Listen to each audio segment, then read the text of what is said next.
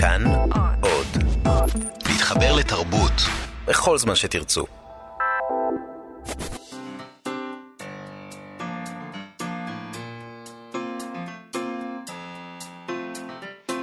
מה שכרוך.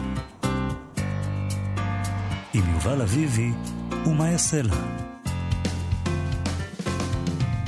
שלום, צהריים טובים, אנחנו מה שכרוך, מגזין הספרות היומי של כאן תרבות. שלום גם לעומר מנחם שליט וחן עוז, שעל ההפקה והביצוע הטכני. שלום לך, יובל. שלום, מאיה. היום אנחנו נדבר עם אבי סבג, מייסד ומנהל אה, בית הספר הרב-תחומי לאומנות וחברה מוסררה, שהיא בירושלים. אנחנו נדבר איתו על תערוכות פוטופואטיקה, העוסקות במפגש בין צילום, וידאו ושירה והגות. אה, זה, דיברנו איתו על זה גם בשנה שעברה, זה יקרה בגלרות מוסררה, זו השנה השמינית. אנחנו נדבר איתו כל שנה מבחינתי. נכון, לגמרי, אני מאוד uh, מחבבת את התערוכות האלה, גם הנושא משתנה משנה לשנה. והנושאים משתנים. אז מה השנה? הנושא של התערוכות השנה הוא מפגשים ביוגרפיים, שזה דבר מאוד מעניין, שהספרות מתעסקת איתו ביתר סט בשנים האחרונות, ואנחנו מדברים על זה לא מעט, uh, על העניין הזה, הביוגרפי, כן. פה בתוכנית. אנחנו נדבר גם עם הסופר והעורך דוקטור מתן חרמוני על הצורך של סופרים ומשוררים אה, לכתוב מסות וביקורות בעצמם, כך הוא חושב, מתן. אה, דבר שלדבריו קורה היום פחות מבעבר ופחות מכפי שצריך. אנחנו נבדוק למה הוא חושב שזה כדאי שזה יהיה. אה, וכנראה שנדבר גם קצת על פרסים אה, איתו. נחזור גם קצת לאורי צבי גרינברג. אה, פינת גנזים. פינת גנזים, נכון? אם נספיק. ועוד דברים. זה כבר המקומות שבהם... ועוד אנחנו, ועוד. זה כבר המקומות שבהם אנחנו אומרים, אם נספיק, אז... בדיוק. זה... לא. אנחנו נתחיל אבל עם אה, בית מטבחיים 5, הרומן המיתולוגי כבר, אה, אפשר לומר. אפשר. של קורט וונוגוט, שראה אור לראשונה בשנת 1969. זה אומר שאו-טו-טו ימלאו לו 50 שנה. יובל. אנחנו ל... חוגגים לו יובל. כן. מדובר ברומן מדע בדיוני סאטירי אנטי-מלחמתי, שבמרכזו הפצצת דרזדן אה, בזמן מלחמת העולם השנייה. אה, הגיבור שלו הוא בילי פילגרים, אה, חייל שבוי שמועסק בשבי בעבודות וניצל מהטבח הזה, מההפצצות האלה, בזכות זה שהוא נמצא בבית מטבחיים מתחת לאדמה. בעברית הספר הזה יצא אגב בשנת 77. ותורגם על ידי יורם קניוק. שזה... התפלאתי, לא זכרתי שזה קניוק. זאת אומרת, כשקראתי את זה בזמנו, כשהייתי נערה, בוודאי שלא שמתי לב לדברים כאלה. היום אני בודקת תמיד מי תרגם. את חושבת שזה אומר שהתרגום הוא טוב? אה, תשמע, אני, אני, זה ספר שאני מאוד uh, אהבתי כנערה, אני לא חזרתי אליו uh, בשנים האחרונות. מעניין, כנראה שהתרגום היה טוב, כי אני קראתי אם אותו. אם אתה לא זוכר את התרגום, כנראה שהוא כן, היה טוב. כן, כנראה שזה היה ממש כן. מוצלח. וגם קניוק לא... יש לו אוזן uh, כזאת, uh, זאת אומרת, בטוח שהוא לא הגביה את השפה וכל הדברים uh, שפעם היו נהוגים, כי נכון. הוא לא נכון. היה כזה גם בכתיבה שלו. אבל אז... uh, אני חושב שאנחנו uh, מיד מתפעלים מזה, כי זה יורם קניוק, אבל יכול להיות שסופרים גדולים הם לא מתרגמים גדולים, זה לא אומר... אה, ברור, ברור. אה, לא, אני ישר אומר, אוי, אם זה יורם קניוק כזה טוב, אז זה טוב. זה היה כנראה טוב, כי אני לא זוכרת שנתקעתי, ובטח הייתי נתקעת. כן. אתה יודע, תרגום לא טוב, אתה, לא, אתה מפסיק לקרוא. זהו, כשאתה שם לב לתרגום, זה סימן שמשהו לא טוב קורה. בכל מקרה, אה, אז עם חגיגות החמישים יובל לעניין הזה, בית המכירות הפומביות קריסטיז הוציאו למכירה מכתבים ותמונות של אה, ונגוט מהתקופה שבה הוא שירת בצבא האמריקאי והגיע עד דרזדן במהלך מלחמת העולם השנייה, וזה כל החומרים האלה לא פורסמו בעבר, הם היו במשמורת אצל אחותו. נכון. מספקים מהצצה אל מאחורי הקלעים של החוויות האלה, שמהן הושפע ונגוד וקרום, והן אלו שגרמו לו לכתוב את הספר המשפיע הזה, בית מטבחיים חמש. נכון. וונגוט מת בשנת 2007, בגיל 84. אה, יכול להיות שאפשר להגיד שהרגע המכונן בחייו היה הפצצת דרזדן בידי בעלות הברית בשנת 45. הוא עצמו באמת היה שבוי מלחמה בעת שחזה בהפצצות האלה. אה, הוא היה שם. מדובר בהפצצה אסטרטגית, למי ששכח, של חיל האוויר האמריקאי והבריטי. זה הפצצות שנמשכו שלושה ימים לקראת סוף המלחמה. אה, ותדמיין את זה, 1,300 מפציצים כבדים, 3,900 טונות של פצצות ופצצות תבערה בארבעה גלי הפצצה של מאות מפציצים. מספר הקורבנות בהפצצה נאמד בין 25,000 איש ל-40,000. 85% ממבני העיר נחרבו. זה היה משהו משוגע. מטורף. מטורף. אני חושב שהעניין של, ה, של העיר הזאת זה, זה תחושת הנקמה. התחושה שעשו את זה פשוט כדי להכניס.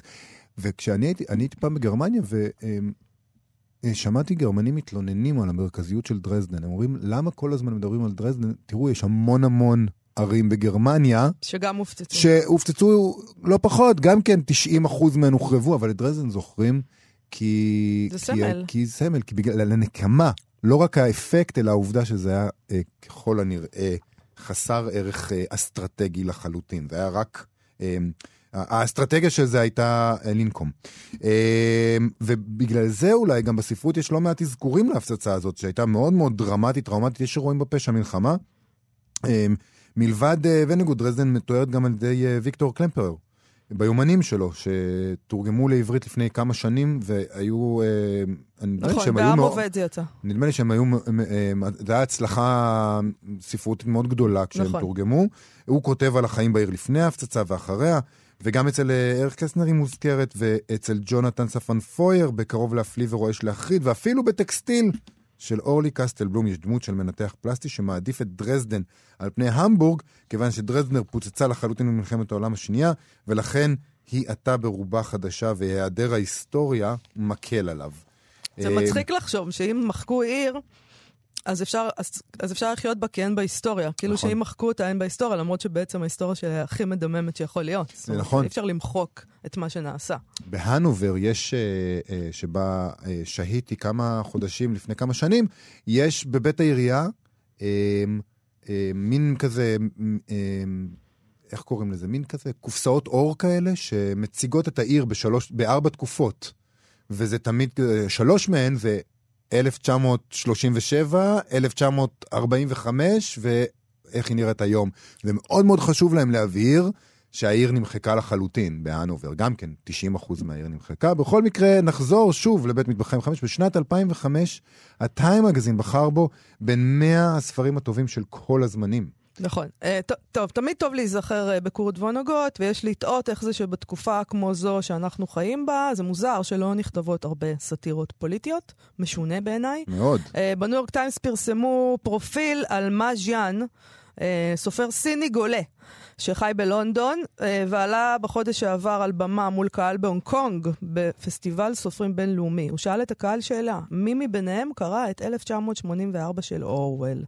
הסופר הזה הוא בן 65, הוא בא לקדם את ספרו האחרון, China Dream, שהוא רומן סאטירי על מנהיג סיני כמובן. אה, הוא אמר לקהל שהספר מראה את האופן בו הדיסטופיה, עליה כתב אורוול ב-1984, הדברים שהוא הזהיר מהם הפכו למציאות בסין. אה, הוא אמר, אני עומד לחקוק את הספר הזה באבן ולהביא אותו לקבר של אורוול. כן. מז'יאן הוא, צלם וסופר סיני, גולש, שספריו נאסרו להפצה בסין, אבל תורגמו לאנגלית וגם לעברית ולעוד שפות כמובן. הוא זוכה פרס תומאס קוק לספרי מסע בעבור ספרו אבק אדום, שיצא בעברית בעם עובד נכון. ב-2005, שתרגמה אותו מאנגלית, עידית שורר. זה ספר נהדר. אה, אגב, אני קראתי אותו ב- אז, והוא לא ספר מסעות, הוא זכה בפר... בפרס כזה לספר מסעות, אבל זה תמיד נשמע כאילו זה איזה ז'אנר נחות כזה, ספר מסעות. אני לא יודע למה, אולי רק אצלי, אבל זה לא ספר מסעות, זה טיול שלו בסין, זה ספר נהדר. מלבד זה תורגמו לעברית גם הסופר שגלגל אטריות, ותרדמת בייג'ין, שניהם בהוצאת אחוזת בית ידיעות אחרונות. שתורגמו מסינית על ידי כן, ענת מוריץ, נכון. שזה כבר ממש מעניין. זה- יש פה מתרגמת מסינית. נכון, וגם מגמה, זאת אומרת, בהתחלה תרגמו אותו מאנגלית, ואז נכון, עברו לתרגם אותו נכון. בסינית, שזה הדבר הנכון לעשות. למרות ש... שוב, אני קראתי את אבק אדום ולא הרגשתי את זה, אבל שוב, אני לא יכול לקרוא את המקור, אז אני לא יודע מה פוספס. Uh, הדבר המעניין הוא שבתחילת, uh, בהתחלה, המארגנים של הפסטיבל הספרותי הבינלאומי הזה ב... בהונג קונג, הם ביטלו את ההופעה שלו באירוע הזה. הם אמרו שהם לא רוצים להפוך לפלטפורמה שמקדמת את האינטרסים הפוליטיים של אנשים. בהונג קונג אה, ראו בזה אה, כמובן סימן להידרדרות החופש של המושבה הזאת מאז שהיא חזרה לידי הסינים, שזה בטח משהו שבאמת קורה.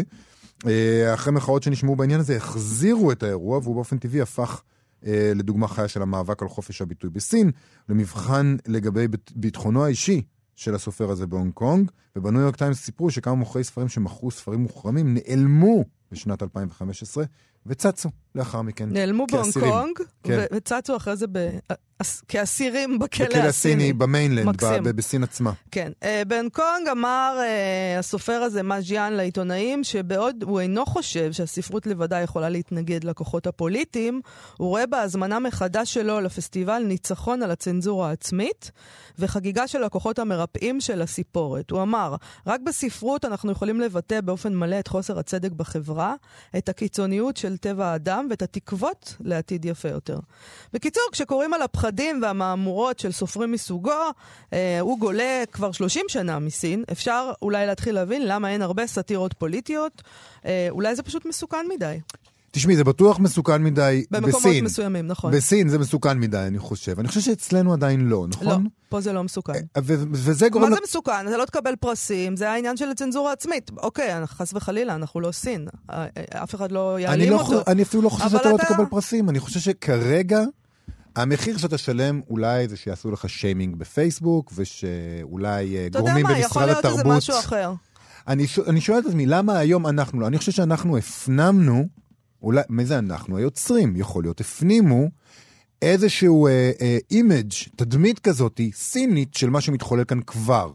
והעובדה שלא עושים את זה, כי יש איזו הפנמה פנימית של איזו צנזורה ואיזה איום לא, לא, שעדיין לא. קיים, זה מה שמקרב אותנו למימוש אמיתי של לא, הצנזורה. אני מצטערת מאוד. לא? אה, אל תהיה היסטרי ודרמטי, אין שום מימוש אמיתי, אנחנו לא סין ואנחנו לא נהיה לא, סין. לא, אולי אנחנו מתקרבים. ל- אנחנו לא מתקרבים לסין, אה, זה שאנשים לא כותבים סאטירות פוליטיות זה לא בגלל שהם מפחדים מהמשטר, סליחה, עד אולי כאן. טוב להם מדי. אני חושבת שכנראה לא מספיק רע כאן. אה, אנחנו אוקיי. חיים במדינה דמוקרטית בסופו של דבר. נכון. ולאנשים, אה, הסופרים כנראה להם הרבה סיבות להתלונן.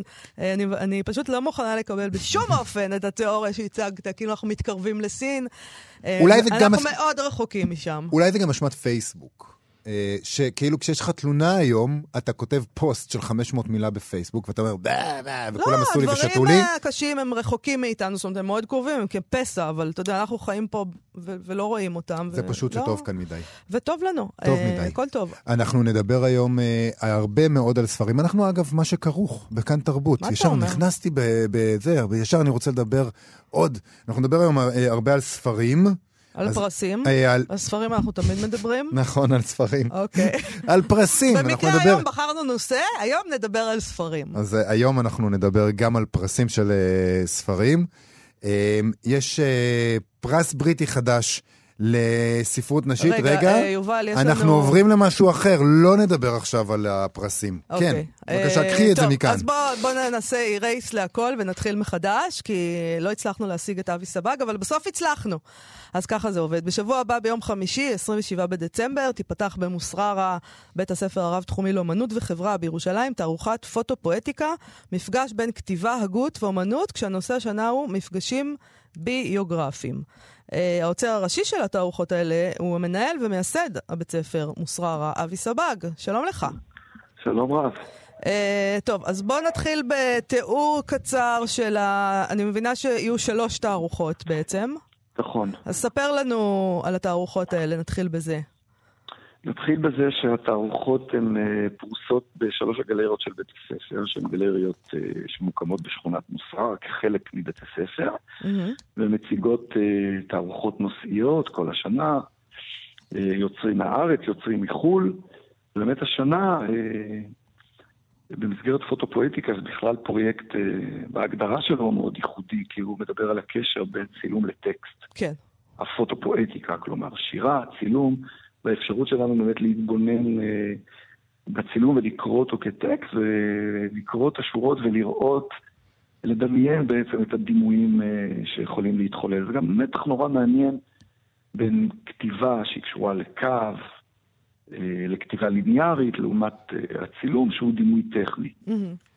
וזה מאוד מעניין, החיבור הזה, כי בעצם יש דיבור על שתי מהפכות משמעותיות שנעשו אה, בעולם, אחת לפני עשרות אלפי שנים, כשבעצם המציאו את הכתב, שהוא מאפשר בעצם לבטא דימויים, כן. והמצאת הצילום, שהוא גם בעצם מאפשר לראות דימויים, אבל באופן טכני. אז יש כאן גם משהו שהוא מדבר על שתי תופעות מאוד משמעותיות, אבל ומנסה לחבר אותן לחוויה חדשה שהיא בפריסה בגלריות של בית הספר. אה, ובאמת אנחנו עכשיו פותחים את העונה השמינית של פוטופואטיקה, שזה בעצם סוג של מיני פסטיבל אפשר להגיד. אנחנו מדברים על אה, ניסיון להראות איך אה, יוצרים, גם כותבים וגם כותבי צלמים, בעצם מנסחים את, את הזהות, את הקול האוטוביוגרפי שלהם. למה בחרתם דווקא בעניין הזה של מפגשים ביוגרפיים, בנושא הזה? אני מדגיש, זה אפילו אוטוביוגרפי. אוטוביוגרפי. שזה נושא מאוד כי, לוהט כי, עכשיו, זה נכון. נכון, כי האוטוביוגרפיה באמת היא קודם כל אפשרות להתבונן פנימה. לתוך איזו התבוננות עצמית, וכשאתה מתבונן פנימה אתה בעצם רואה שהעולם שלך הוא עולם לא חד כי הוא מורכב, הוא היברידי, הוא, הוא יכול להשתנות, הוא נזיל, הוא מדבר על זהות אישית, על זהות, על חשיבה, על, על התפיסת עולם שלך כחלק מהזהות שלך. והדברים האלה מקבלים ביטוי כש, כשיוצר באמת מתבונן פנימה לתוך עצמו ומנסה לבחון את המורכבות ואת הזהויות האלה. הביקורת על הדבר הזה היא הרבה פעמים שזה זה מביא איזה מין מבט בעצם שטחי, שבו, שבו אתה כל הזמן עסוק בעצמך וכל הזמן חושב שהמהלכים הפנימיים שקורים אצלך הם נורא נורא מעניינים, ובאופן מעניין הדבר הזה אה, קורה גם בצורה מאוד, אה, מאוד ברורה בצילום של השנים האחרונות, עם אה, סלפיז ואינסטגרם והצורך הזה לבטא את עצמך באמצעות צילום שבעצם אה, לכאורה הוא שטחי. איך אתם נמנעים מההשטחה הזאתי? תראה, קודם כל אינסטגרם הוא מדיום שצריך להתייחס אליו בעולמנו. אני חושב שיש הבחנה מאוד ברורה בין uh, השימוש באינסטגרם כבאמת שימוש הוא לרוב לדימויים שהם מיידיים, מתוך איזושהי חוויה, חוויית מציאות uh, מיידית. כאן אנחנו מדברים על, uh, על יוצרים שכולם פעילים, עמוקים מאוד בעשייה ובחקר שלהם. Mm-hmm. ניקח לדוגמה למשל את התערוכה בגלריה החדשה שלנו, שעוסקת uh, במסע בעקבות ז'קלין כהנו. Mm-hmm. כן. שהיא כותבת מעניינת, uh, גם אוטוביוגרפית, אבל גם כותבת מסות. מעבר לרומנים שגם כתבה מסות, ודיברה בעצם על המרחב הזה של אגן ים התיכון, mm-hmm. והאפשרות לאיזשהו חיבור ולהרמוניה בתוך עולמות שהם עולמות אה, קונספטואליים, מזרח-מערב. כן, לבנטיניות. בדיוק. ניקח למשל את אלית אזולאי, שהיא אה, צלמת אה, מאוד מורכבת, שמפרקת את הדימוי. זאת אומרת, אה, לעבודות שלה אין זכות קיום באינסטגרם, יש להן זכות קיום רק במרחב גלריסטי. עכשיו, רוב הנושאים שאתה, זה לא רק אוטוביוגרפי, זה גם נשים. אני רואה פה רוב נשים נכון, מובהק. רוב נשים. כן, זאת אומרת, אנחנו בכלל בשנים האחרונות, יש גם שלוש אוצרות. כן. אני אה, בדלותי, אני יוצא ראשי והגיתי את זה. נגיד הצד, הצד הנשי שלי בא לידי ביטוי כאן. אוקיי. בתוך המרחב הזה. זאת הייתה בחירה מאוד מודעת, שבאמת, אה, שעיקר, רוב, ה... רוב המשתתפים בתערוכה הם יוצרות בעצם. יש תערוכה... אבל עשינו אגב חיבור, אם אני משוטט לחלל אחר, בגלריה על שם דרפלר, תערוכה שעוצרת אה, את השחר, שהיא גם ראש המחלקה לצילום אצלנו, mm-hmm. אז uh, אנחנו עשינו חיבור עם טל ניצן המשוררת. כן. שאתם בטח מכירים את הכתיבה שלה. נכון. וטל ניצן לקחה על עצמה בעצם לאצור את השירה בתוך המרחב הזה. כלומר, לבחור את המשוררות. שזו התערוכה מצמרות העצים אל בריכת מצמרות הפנינים. מצמרות העצים אל בריכת הפנינים. כן, תראי, גם כל שם של תערוכה הוא פואטיקה בפני עצמה. נכון. יש כאן איזושהי חוויה באמת נורא עמוקה, ודווקא כאן העיסוק הוא מאוד עמוק כי הטקסטים הם מאוד עמוקים, והם דורשים לעצור. זה כבר לא להתבונן בצילום 6 או 7 שניות, או ביצירת אומנות 6, 7, 10 שניות, אלא להיכנס להליך התבוננות יותר עמוק, גם של הצופה וגם של היוצר. התערוכה השלישית היא תערוכה אישה בחלל עבודה, כן, בעקבות שעוצר... השירים של תהילה נכון, חכימי. נכון. אה, ש... נכון, שעוצרת גיל כהן שהיא בוגרת בית הספר במחלקה לצילום, ובעצם מתוך הלימודים שלה היא החליטה שהיא הולכת לכיוון של אוצרות. וכאן באמת עשינו מהלך אחר, בעצם שהוא קצת דומה לכאן, אבל הוא מתייחס, הוא מתמקד ב, ביצירה של אה, יוצרת אחת, משוררת אחת, וסביבה בעצם אה, מתפתח איזשהו שיח והתכתבות אה, של צלמים יוצרים עם העבודה שלה. אני רוצה לשאול אותך על, המערכ... על מערכת היחסים הזאת בין אומנים פלסטיים או צלמים וטקסט. זאת אומרת, האם, האם המגע הזה טבעי בעבורם, או, או שיש קושי מול, מול טקסט, שזה... תראי, במקרה הזה המגע הוא מגע משי, הוא מגע רך, כי הוא נוצר דרך האוצרות, זה לא נוצר, זה לא שאנחנו הפגשנו עכשיו צלמים וכותבים. זאת אומרת, עשינו כאלה דברים, עשינו פרויקט אה, סביב דווקא היצירה של ז'בוטינסקי, ו... ומשוררים אחרים, באמת יסינו, יצרנו סדנה בעצם שהפגישה בין משוררים אה, לצלמים, לאנשים כן. שהם ויזואליים, שהשפה שלהם באמת שפה חזותית. וזה היה תהליך שהיו בו גם אלמנטים דווקא דידקטיים, שאני פחות אהבתי באופן אישי. דווקא כאן יש איזה מתח מעניין שהוא נוצר בתפיסה האוצרותית. אומרת שהמפגש נוצר במרחב הפיזי, בגלריה, ובחשיבה הקונספטואלית שבעצם יוצרת את הבחירה בשלב יותר מוקדם. כלומר, זה לא שהפגשנו כאן משוררים ויוצרים חזותיים לתהליך עבודה משותף.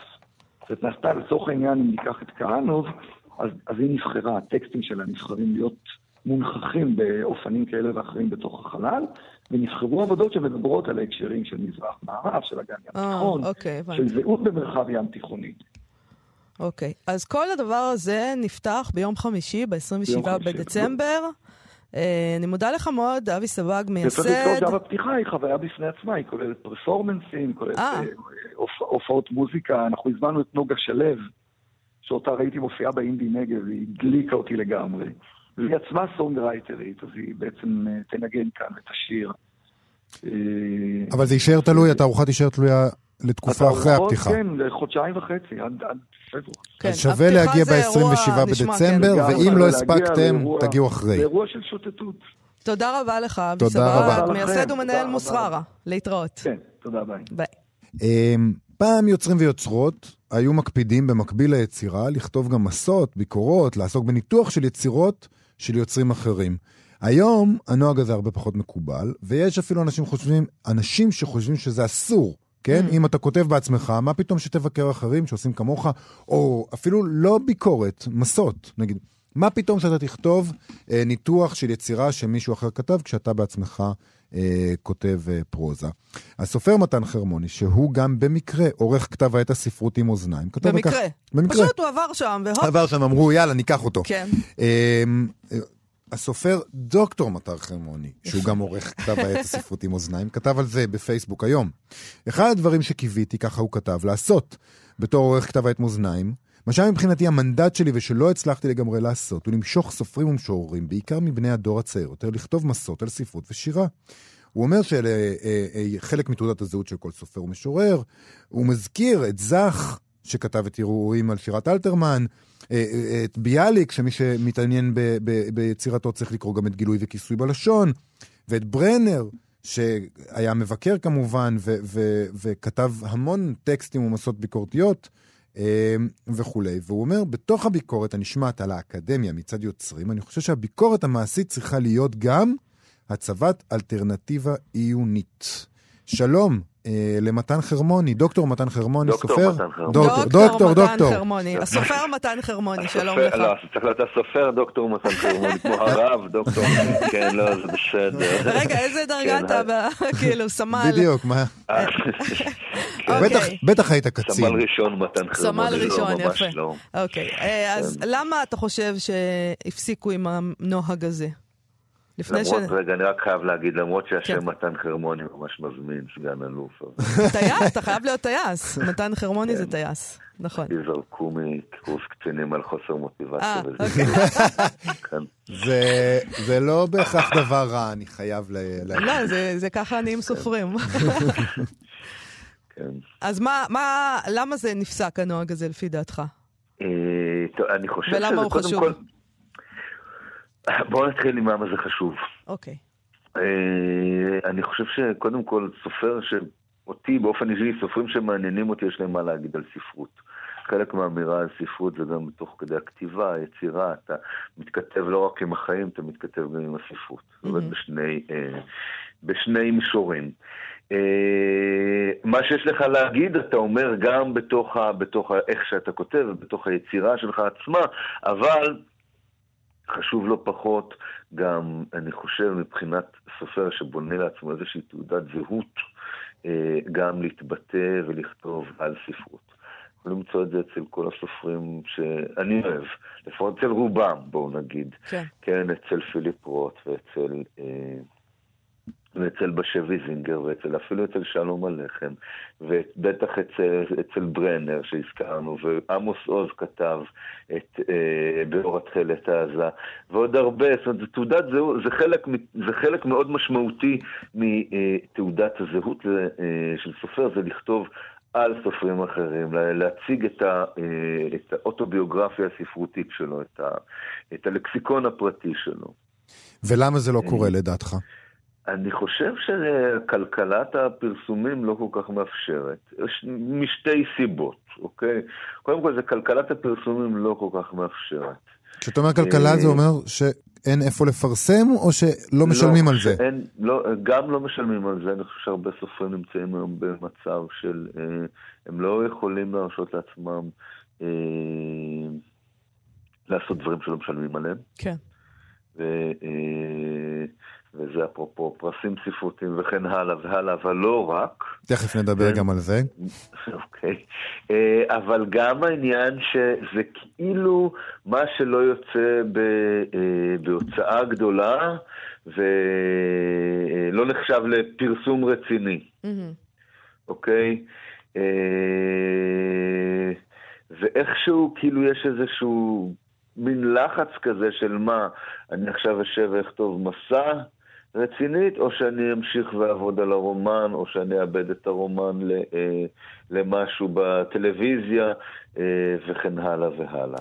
יכול להיות שפחות קוראים? אני רק, אני רק רוצה להגיד את הסיבה השנייה, אה, כן, ופה, וזה אולי עלול להישמע כמעט ביקורתי כלפי המיליה הספרותי. וכן הלאה. אה, הרבה כותבים, אני חושב, לא ממש אמונים על הז'אנר. ולחלק גם אין אולי כל כך מה להגיד על ספרות ועל סופרים ועל יוצרים ועל יצירה. נראה לי שזה... כשאתה אומר לא אמונים על הז'אנר, אתה מתכוון הם לא, אה, לא ממש בקיאים בכתיבת מסות.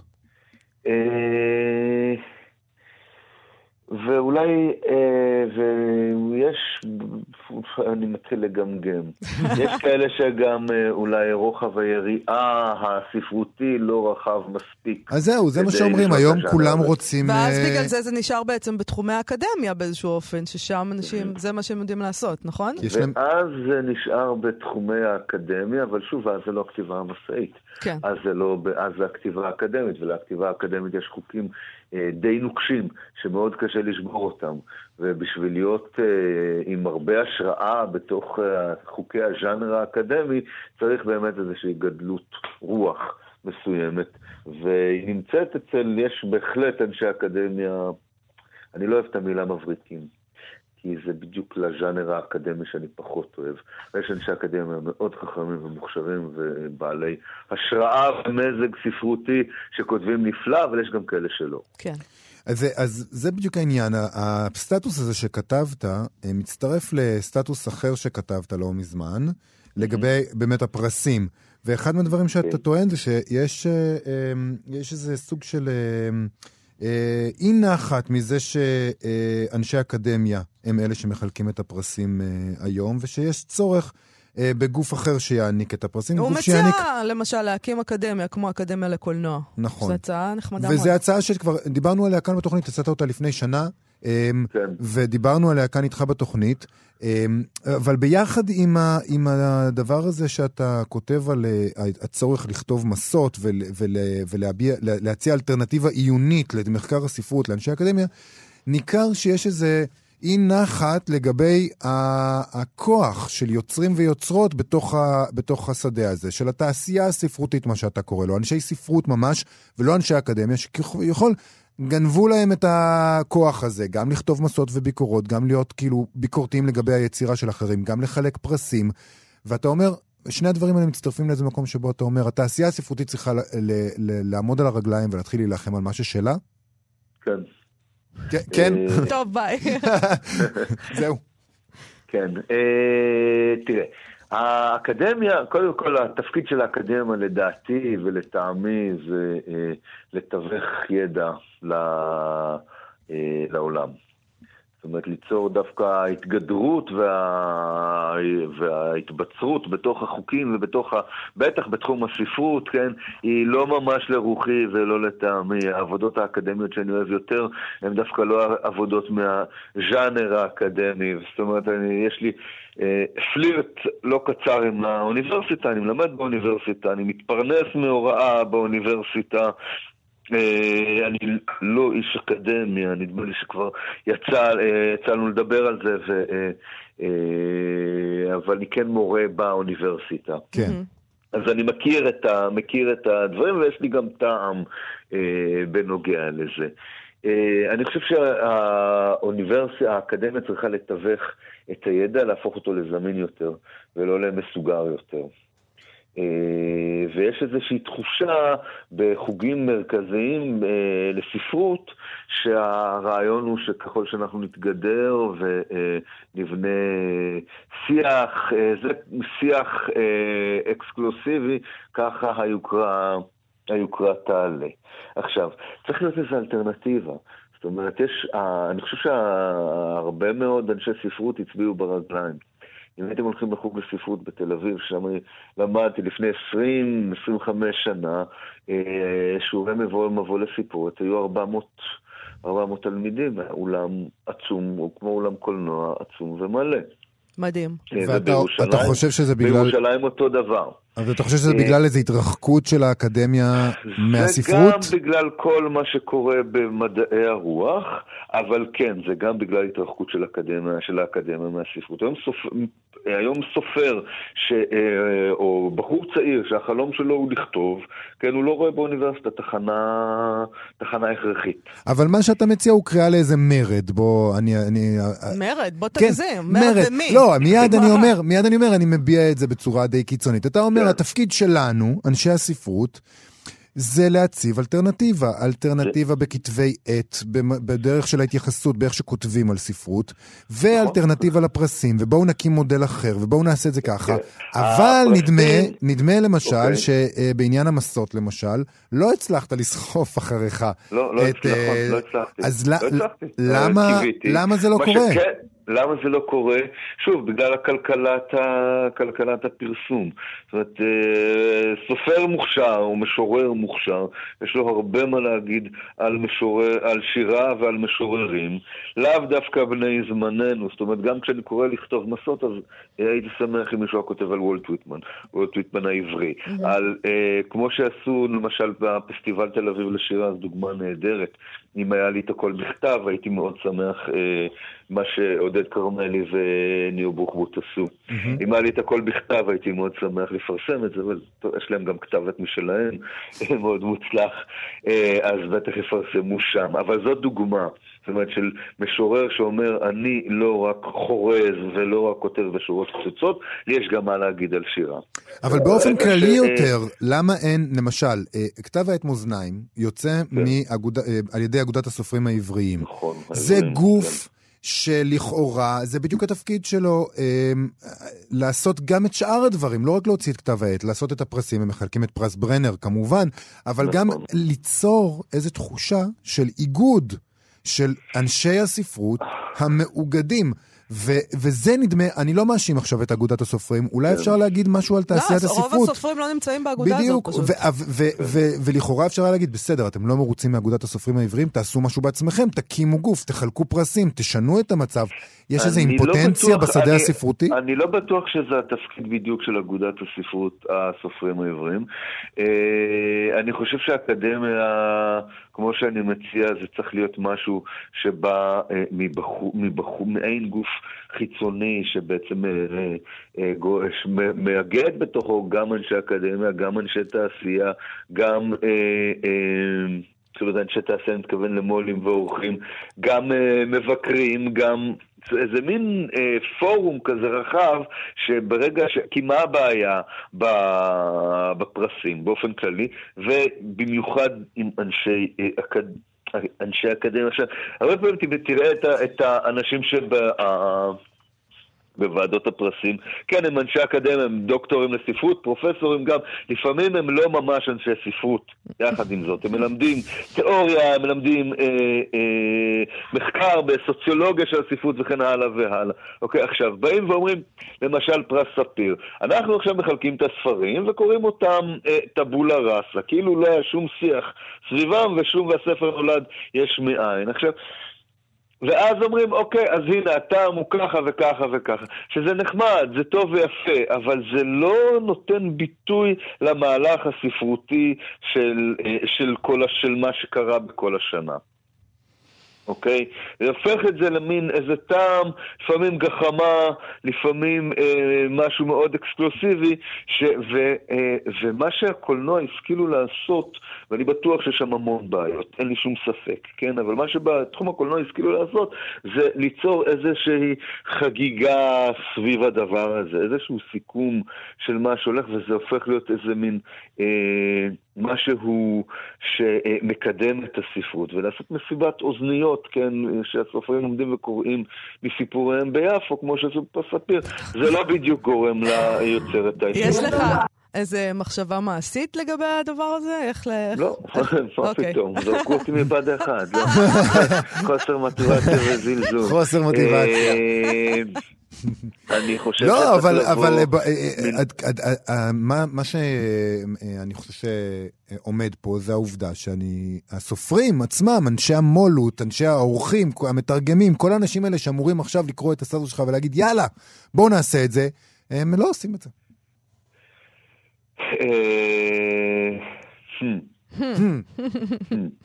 אה, תראו, קודם כל, זה שאני לא היחיד שמדבר על הדברים האלה, יש עוד אנשים שמדברים. ויש עוד אנשים שעושים, וגם אני חייב להגיד שבאקדמיה יש חילופי גברי, ויש, אה, דבר, וקורים דברים והם זזים. אה, אני לא רוצה אה, להחמיא למקום שבו אני עובד, לאוניברסיטה הפתוחה, אבל גם בבן גוריון, אוניברסיטת בן גוריון היה עכשיו חילוף מאוד משמעותי. אה, אה, כשחיים וייס נכנס להיות ראש החוג שם, וחיים הוא אחד האנשים הבאמת, טוב, גם אני לא אכביר בשבחיו, כי באמת אנחנו חברים והכול. דברים זזים. אוקיי, אני גם לא היחיד שמדבר על כל העניין הזה של הפרסים ושל הצורך בשינוי. אה, אז ברגע שזה מגיע למודעות ול... ולסדר היום, אני מאמין שהדברים יזוזו. ו... אפשר רק, אפשר רק לקוות. אנחנו כמובן נמשיך נשמח... לעקוב. נמשיך לעקוב. בשמחה. תודה רבה. תודה לכם. תודה רבה לך על השיחה הזאת, מתן חרמוני. תודה, מתן. להתראות. שמחה. טוב, דיברנו עם אה, מתן חרמוני על פרסים. הנה פרס בריטי חדש, לספרות נשית קומית של סופרת שטרם פרסמה ספר. הוצאת הרפר קולינס הכריזה על הפרס, שבו הזוכה תקבל חוזה לפרסום ספר ומקדמה של 5,000 לירות סטרלינג. יוזמת הפרס היא הקומיקאית והכותבת הלן לדרר, סליחה, עוד מועמדת אה, אה, שלא תזכה בפרס הראשון, תזכה בקורס לכתיבה יוצרת באוניברסיטת הבריטית, חשובה ביותר. זה פרס קצת מעליב, אני חושבת, לא? לקבל קורס. זאת אומרת, לא, אתה, אתה זה... כאילו כתבת משהו, ספר, הגשת אותו לפרס, ואז נותנים לך קורס כתיבה. כלומר, אומרים לך, בוא תלמד קודם כל לכתוב. אני חושב, אני חושב שזה סופרת שטרם בזה... פרסמה דבר. אוקיי, זאת אומרת, זה מישהו שלא פורס... אומרים לה, לא, אנחנו רואים את הפוטנציאל. הנה לך... מה, טוב. קורס לכתיבה יוצרת זה דבר ששווה המון כסף. זה לפי דעתי יותר, יותר שווה מ-5,000 לירות סטרלינג. למרות שהייתי לוקח את הכסף. ברור. כן. אתה כבר אמ, יודע לכתוב פשוט. תודה, זה מחמיא לי. אמ, תהיה עוד זוכה גם, אני פשוט הסמקתי עכשיו, אז אני... זה. תהיה עוד זוכה אה, בקטגוריה נוספת לסופרות שכן פרסמו אה, יצירה כלשהי, שם הפרס הוא 2,000 לירות סטרלינג. כל זה נועד להילחם בתפיסה הגברית המיושנת, שרק גברים יודעים להצחיק.